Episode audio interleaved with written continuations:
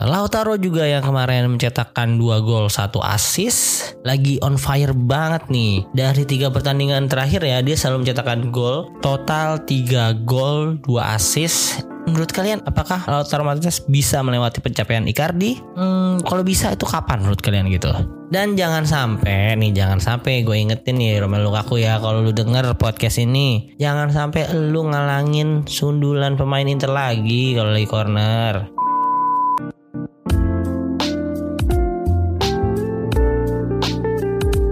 Halo selamat pagi, siang, sore, malam Kembali lagi di Interest Podcast Podcast yang bahas berita-berita seputar Inter Yang dikutip dari sosial media dan portal-portal berita olahraga apa kabar teman-teman semua? Gimana? Jantung sehat? Aman jantung?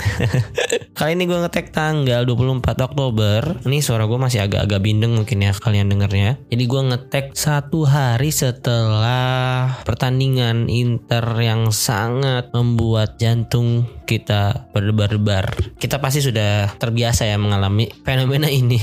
Di mana kemarin Inter akhirnya bisa memenangkan lagam tandang lawan Fiorentina dengan skor 3-4 3-4 loh guys. Di mana pencetak golnya adalah Barella, Lautaro Martinez dan Henry Mkhitaryan yang mencetak gol pertamanya. Hari ini udah banyak ini nih uh, Meme-meme cocok lagi cocok logian nih. Kan kemarin Inter lawan Fiorentina tuh kalau di waktu Indonesia nya di WIB-nya itu hari Minggu tanggal 23 Oktober 2022 Nah cetak golnya itu pertama Barella nomor 23 Lautaro nomor 10 Mkhitaryan nomor 22 Nah itu cocok lo gitu 23 10 22 tanggalnya persis ada-ada aja deh ya netizen-netizen ini nyari cocok loginya bisa aja gitu.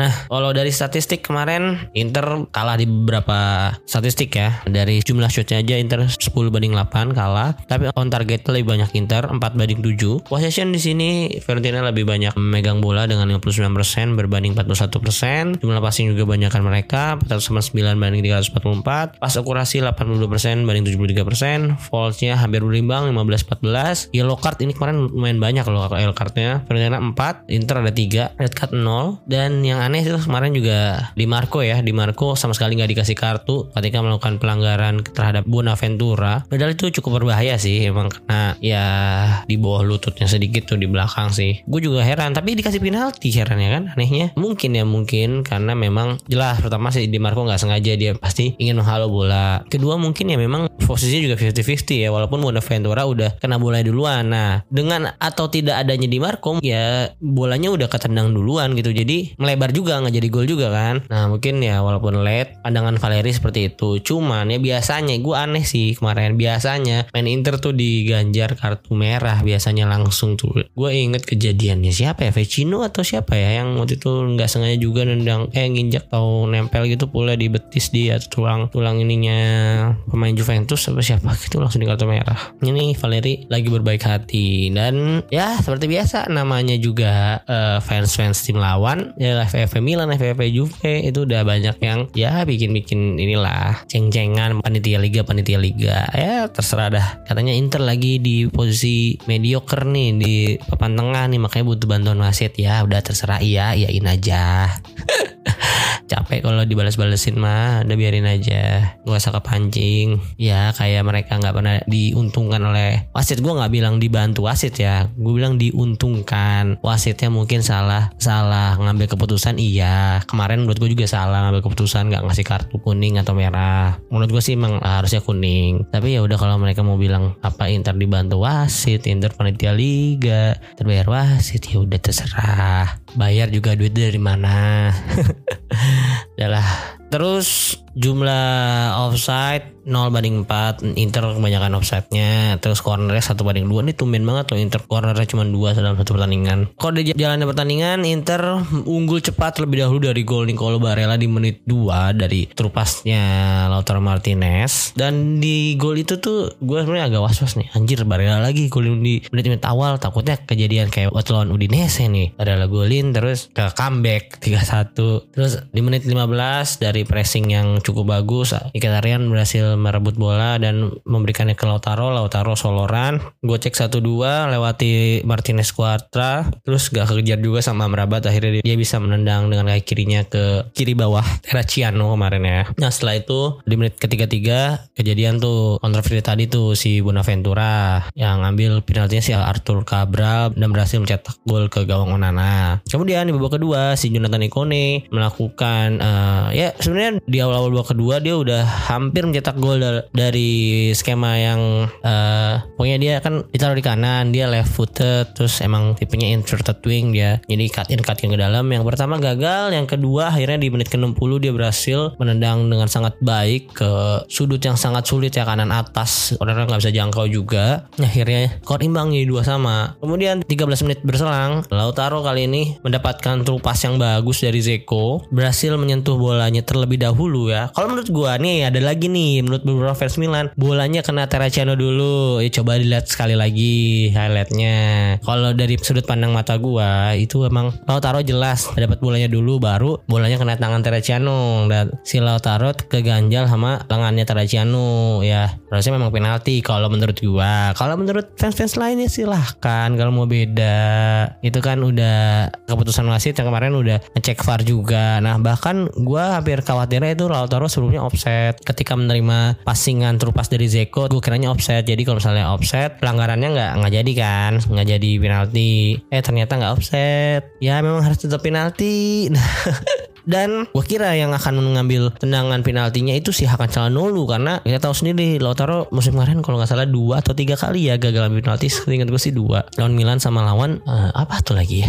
Atalanta. Atalanta masih di Marco oh, pokoknya satu lagi ada deh. Dia gagal. Pebulun-bulunya gitu. Nah pokoknya dia gagal dua kali minimal. Dan saat ini dia berani mengambil tendangan penalti dengan sangat pede. Dan ini kan kondisinya dia seri ya. Maksudnya menentukan juga penaltinya kalau masuk kemungkinan jadi menang. Ini dia berani loh. Maksudnya mentalnya cukup bagus berarti mungkin dia udah latihan ya selama pramusim ini sampai akhirnya dia uh, menjadi eksekutor tendangan penalti kemarin. Mungkin dia udah latihan. Dan partner latihannya kan bukan cuma Hanovic sekarang. Sekarang udah ada Onana juga yang tipikalnya beda mungkin dari Hanovic. Hanovic mungkin baca bolanya bagus baca bola bagus cuman refleksnya jangkauannya loncatnya kurang. Nah ini Onana nih yang masih segar yang masih bugar gitu pasti kan. Mungkin baca bolanya kurang bagus tapi ya gue nggak ngerti sih istilah-istilah kiper cuman ya mungkin refleksnya lebih bagus lah gitu. Loncatnya lebih panjang tangan lebih panjang lebih jauh lebih hustle mungkin ya. Kemarin si Lautaro menendang ke arah kiri atau kanannya dia lah kanannya dia. Dengan sangat kencang itu power shot gitu dia. Nggak placing tapi dia benar-benar ngincer kencangnya gitu kencang dan terarah itu yang makanya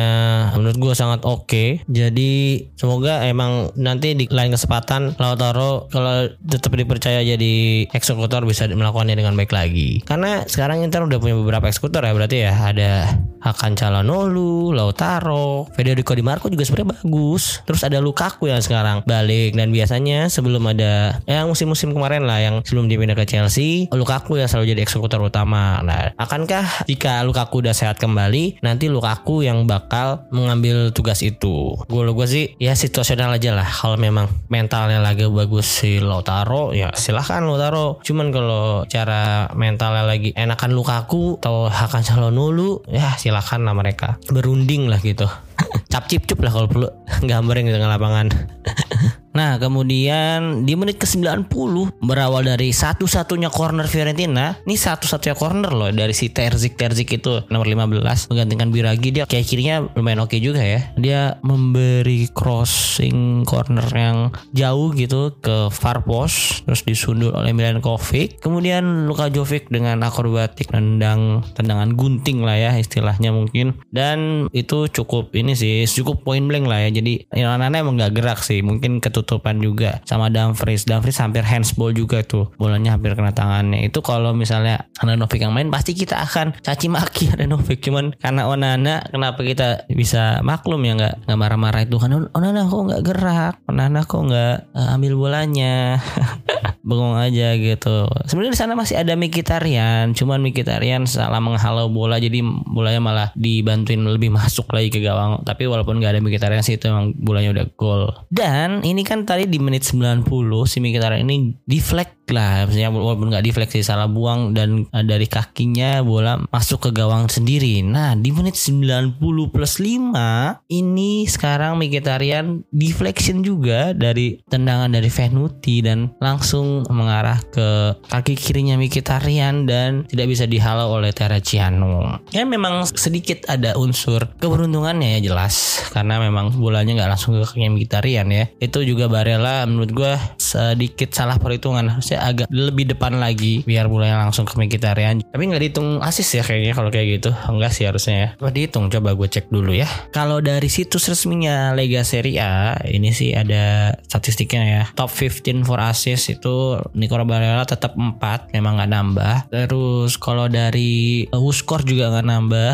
cuma 4 tapi dari transfer market dihitung jadi 5 ya kalau fair-fairan sih memang enggak lah ya.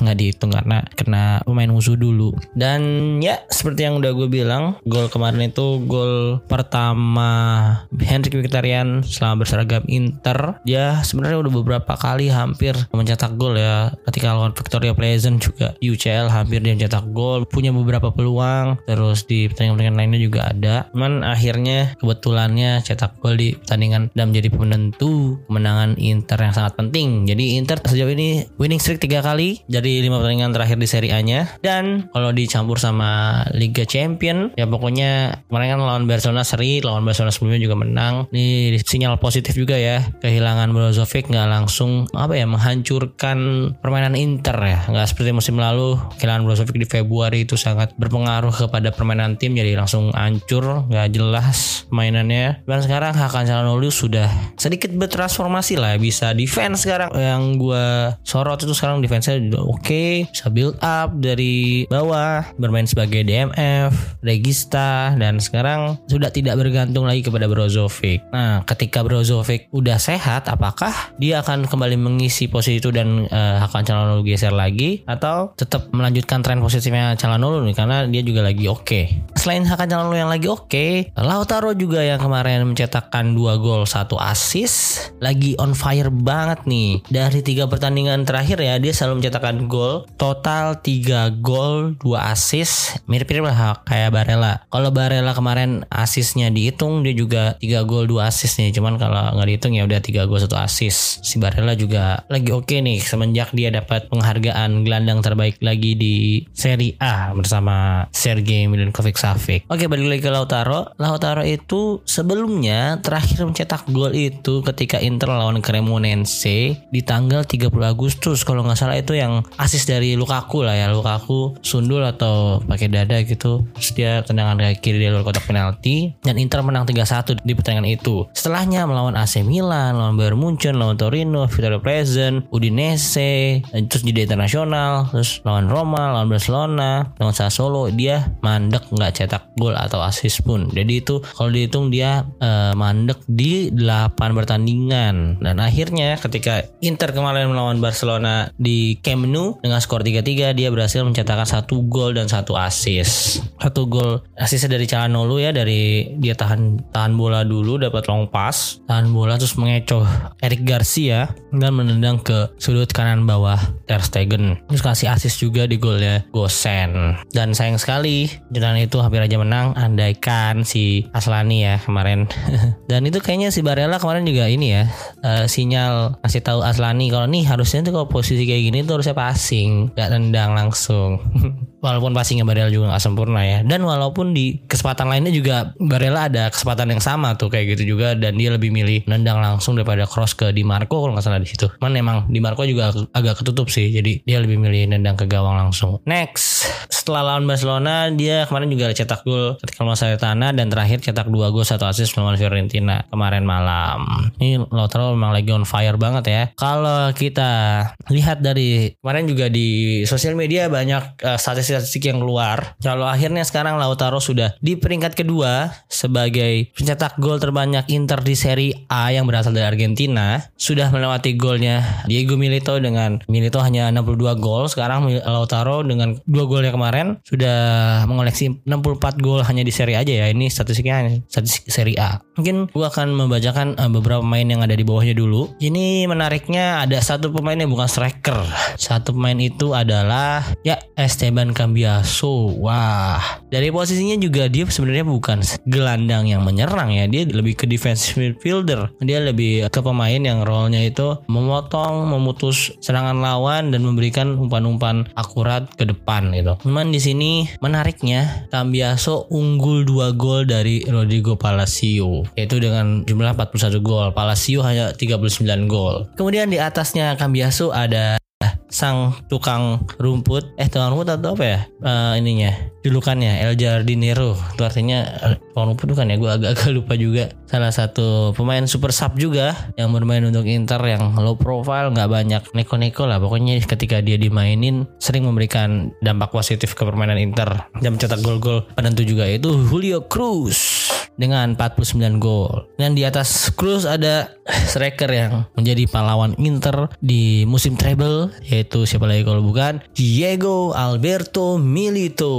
dengan koleksi 62 gol yang kemarin juga belum beberapa lama ketemuan sama Jose Mourinho ya pasti mereka sedikit cerita-cerita lah pasti tentang memorinya ketika musim treble itu. Oke di atas Milito ada Lautaro tadi dengan 4 gol dan di posisi pertama masih ada seorang striker tajam kita dari Argentina yang belum lama ini ditinggal oleh istrinya lagi, ditinggal oleh Neng Eli Sugigi.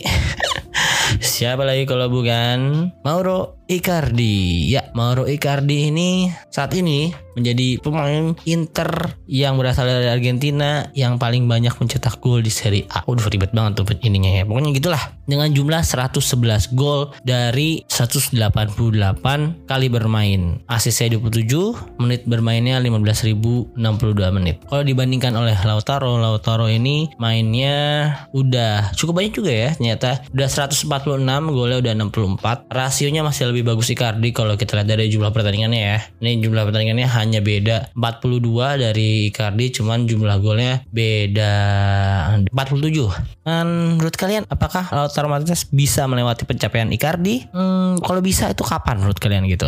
Kan kurangnya berarti tinggal 47. Nah, kira-kira kapan tuh ya? Kalau misalnya musim ini sisanya kan ya masih ada beberapa 20 pertandingan lagi lah, paling 20 pertandingan 15 lah.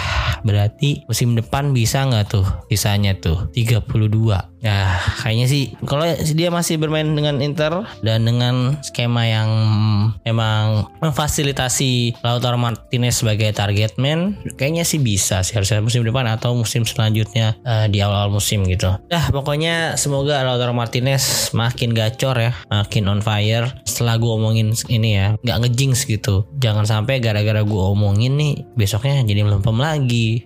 kalau besoknya melempem lagi, besok-besok mendingan gue bahas Victor Osimhen Hand. Setelah Theo Leal Aciro Immobile gue bahas aja tuh terus biar mereka juga melempem. Sama satu lagi Marco Arnautovic guys. Sekarang dia lagi jadi top scorer Serie A sementara dengan 7 gol. Walaupun tiga dari penalti sih. Cuman ya sebagai alumni treble winner boleh lah. Di umur-umur senjanya dia masih bisa produktif. Kalau jadiin backup striker uh, musim depan sih kayaknya oke okay juga kalau misalnya si Zeko hengkang. Nah, berbeda sama si Lautaro Martinez nih. Kompatriotnya sama-sama dari Argentina. Si Joaquin Korea justru gitu-gitu aja. Saat ini memang sih dia udah mencetakkan 2 gol 1 assist. Cuman ya kurang sih harusnya. Dia sekarang kan musim ini udah sering main juga ya. Maksudnya kalau musim kemarin kan masih mainnya masih jarang-jarang. Terus sekarang udah sering dimainin di starter. Dari menit awal, eh, menit mainnya lebih banyak. Pokoknya selama dia main di Inter Milan dari 49 pertandingan dia baru cetak 8 gol 4 assist. Sebagai second striker ya bukan angka yang bagus sih. Minimal sih harusnya udah golnya udah belasan, assistnya udah belasan juga kalau dengan posisinya sebagai second striker ya dengan jumlah pertandingan yang sebanyak itu. Seri musim ini dia masih 2 gol 1 assist dari 10 pertandingan di Serie A, 3 pertandingan di Champions League. Dan seperti yang Om Budi Winkin bilang ya di interview gue bersama Om Budi kemarin, kalau yang belum nonton silahkan cari di episode 6 kalau nggak salah. Di situ Om Budi bilang Edin Zeko ini sebenarnya bisa lebih berguna dibandingkan Joaquin Korea. Terbukti sejauh ini Edin Zeko juga sudah mencetakkan 3 gol 2 assist kalau di Serie A, di Champions League 1 gol 1 assist. Uh, menit pemainnya juga kalau dibandingkan sama Hwakun Korea, kalau di Serie A dia 596, Korea 288. Ya setengahnya sih. Cuman di kontribusi selain dari gol dan assist juga kelihatan di lapangan eh, terbukti dari terupasnya ke Lautaro kemarin yang leading to penalty sama terupasnya ke Barella yang kemarin akhirnya jadi golnya Mkhitaryan. Ya kalau Zeko dari playmakingnya sih memang striker yang bagus ya. Secara playmaking dia oke banget. Sering kasih kasih passing yang magis lah magis gitu. Masing-masing mahal. Cuman ya kalau menurut gue memang si Zeko ini cocoknya dijadikan sebagai super sub sih. Ya bukan super sub sih. Jadi ya pemain substitusi aja. Mainnya dari menit 70 ke atas gitu. Nggak dari menit awal. Kalau di menit awal dia habis tenaganya sumpah. Kalau di menit dari starter di menit 60 ke atas pressingnya udah nggak banget gitu. Udah kurang. Di menit ke 90 udah ya udah ngos-ngosan. Namanya juga udah 36 tahun. Kita nggak bisa berharap banyak ya makanya segeralah sembuh dari cedera Romelu Lukaku.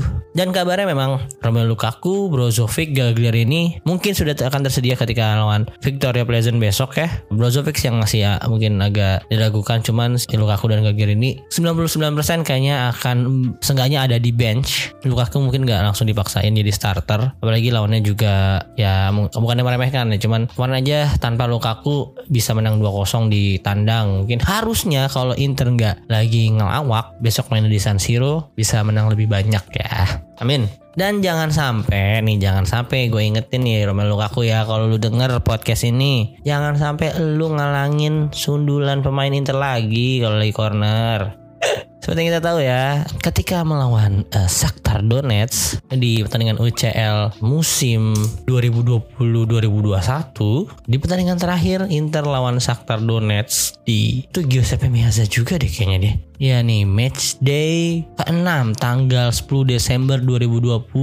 Itu Inter aduh, Inter kan segrup sama Real Madrid, Mönchengladbach, Shakhtar Donetsk. Itu Inter kalau menang poinnya 8 Mönchengladbach 8 Shakhtar Donetsk 7 tapi kayaknya Inter itu menang gak ya? Aku juga lupa deh. Pokoknya seenggaknya Inter berpeluang lolos lah itu untuk ke fase knockout kalau nggak out. Atau seenggaknya Europa League. Tapi lawan Shakhtar Donetsk di kandang sendiri skornya malah 0-0 jumlah shots 20 banding 7 yang targetnya 4 banding 3 dan di menit-menit akhir Alexis Sanchez nyundul kena palanya Lukaku ngalangin. Nah jangan sampai ini terulang kembali ya. Jadi mendingan kalau lagi corner Lukaku jauh-jauh dah dari tiang gawang dan untuk preview pertandingan lawan Pleasant sebenarnya belum ada banyak berita ya. Probable line up-nya juga gua belum dapet.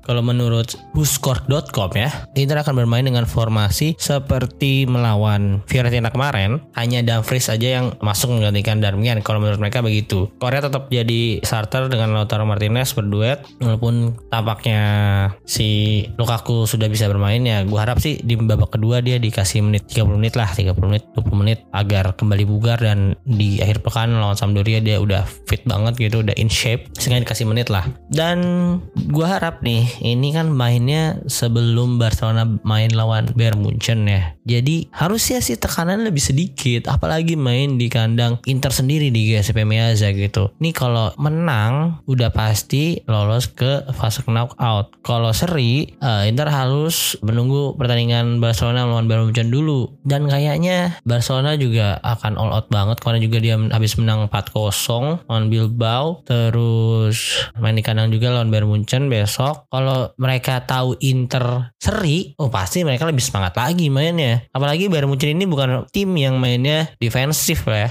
Dia juga main terbuka pasti Barcelona mungkin ya mungkin akan lebih mudah mencuri gol lawan Bayern Munchen daripada lawan Inter sih karena Inter lebih low defensif kemarin. Bayern Munchen defensifnya nggak sedalam Inter. Apalagi Munchen juga udah pasti lolos kan ya. Dia gua nggak tahu deh bakal menurunkan formasi terbaiknya atau enggak atau akan merotasi beberapa pemainnya karena kalaupun dia kalah besok dia masih bisa jadi juara grup. Kalau Inter nggak menang yang pertandingan besok. Terus kalau dia bisa ngalahin Inter di pertandingan terakhirnya peluang dia jadi uh, juara grup sangat besar. Cuman butuh satu poin doang kalau nggak salah ya. Kemudian, hmm, ya gue harap dukungan supporter bisa menaikkan mental Inter karena sejauh ini mental Inter udah bagus loh. Lawan Barcelona itu bisa tiga sama dan hampir menang di kandang Barcelona itu menunjukkan kualitas mental Inter udah membaik gitu. Lawan Fiorentina kemarin walaupun memang sulit menangnya harus drama-drama segala macem. Cuman iya harusnya hasil itu bisa menaikkan mental lagi gitu. Dan untungnya kemarin menang ya. Kalau mereka seri mungkin vibesnya akan gak sebaik sekarang nih lawan Pleasant besok alhamdulillah menang. Jadi kalau gue harap sih kunci permainannya mungkin ada di Mkhitaryan sih. Kalau gue prediksi ya. Karena di pertama pertama Mkhitaryan juga main bagus hampir mencetak gol bahkan. Dan